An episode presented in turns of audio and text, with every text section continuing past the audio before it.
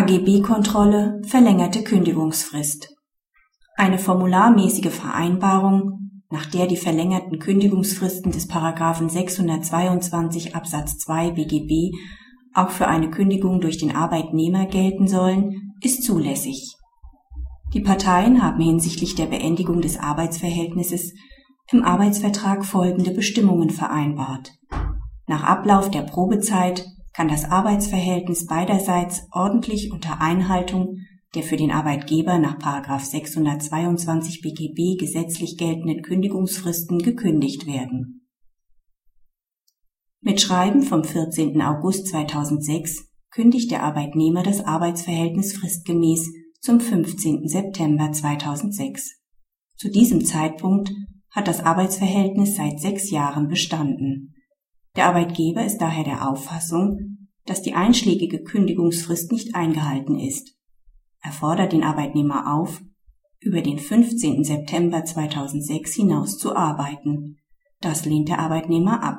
Nach Ansicht des BAG hat die ausgesprochene Kündigung nicht zu einer Beendigung des Arbeitsverhältnisses zum 15. September 2006 geführt. Die Parteien haben nämlich vereinbart, dass die für den Arbeitgeber für eine ordentliche Kündigung maßgebliche Kündigungsfristen des Paragraphen 622 BGB beiderseits gelten sollen. Somit hatte auch der Arbeitnehmer bei Ausspruch einer Kündigung die verlängerten Kündigungsfristen des Paragraphen 622 Absatz 2 BGB zu beachten. Die von den Parteien getroffene Vereinbarung ist weder unklar oder unverständlich noch überraschend. Andernfalls müsste man eine Bezugnahme auf gesetzliche Regeln in Arbeitsverträgen generell für intransparent halten.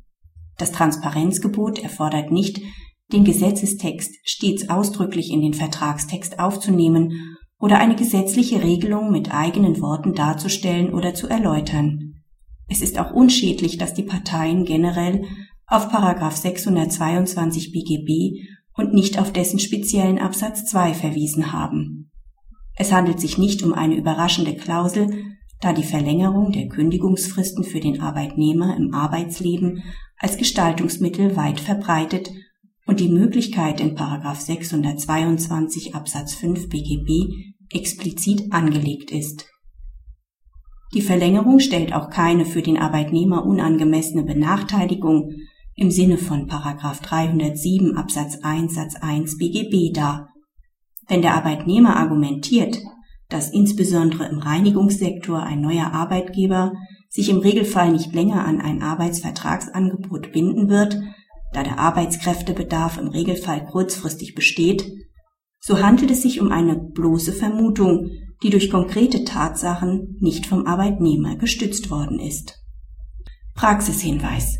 Arbeitgeber werden die Entscheidung des BAG erleichtert zur Kenntnis nehmen denn in der Praxis ist es üblich, die verlängerten Kündigungsfristen des Paragraphen 622 BGB durch eine ausdrückliche Abrede im Arbeitsvertrag auch auf Arbeitnehmerkündigungen auszudehnen.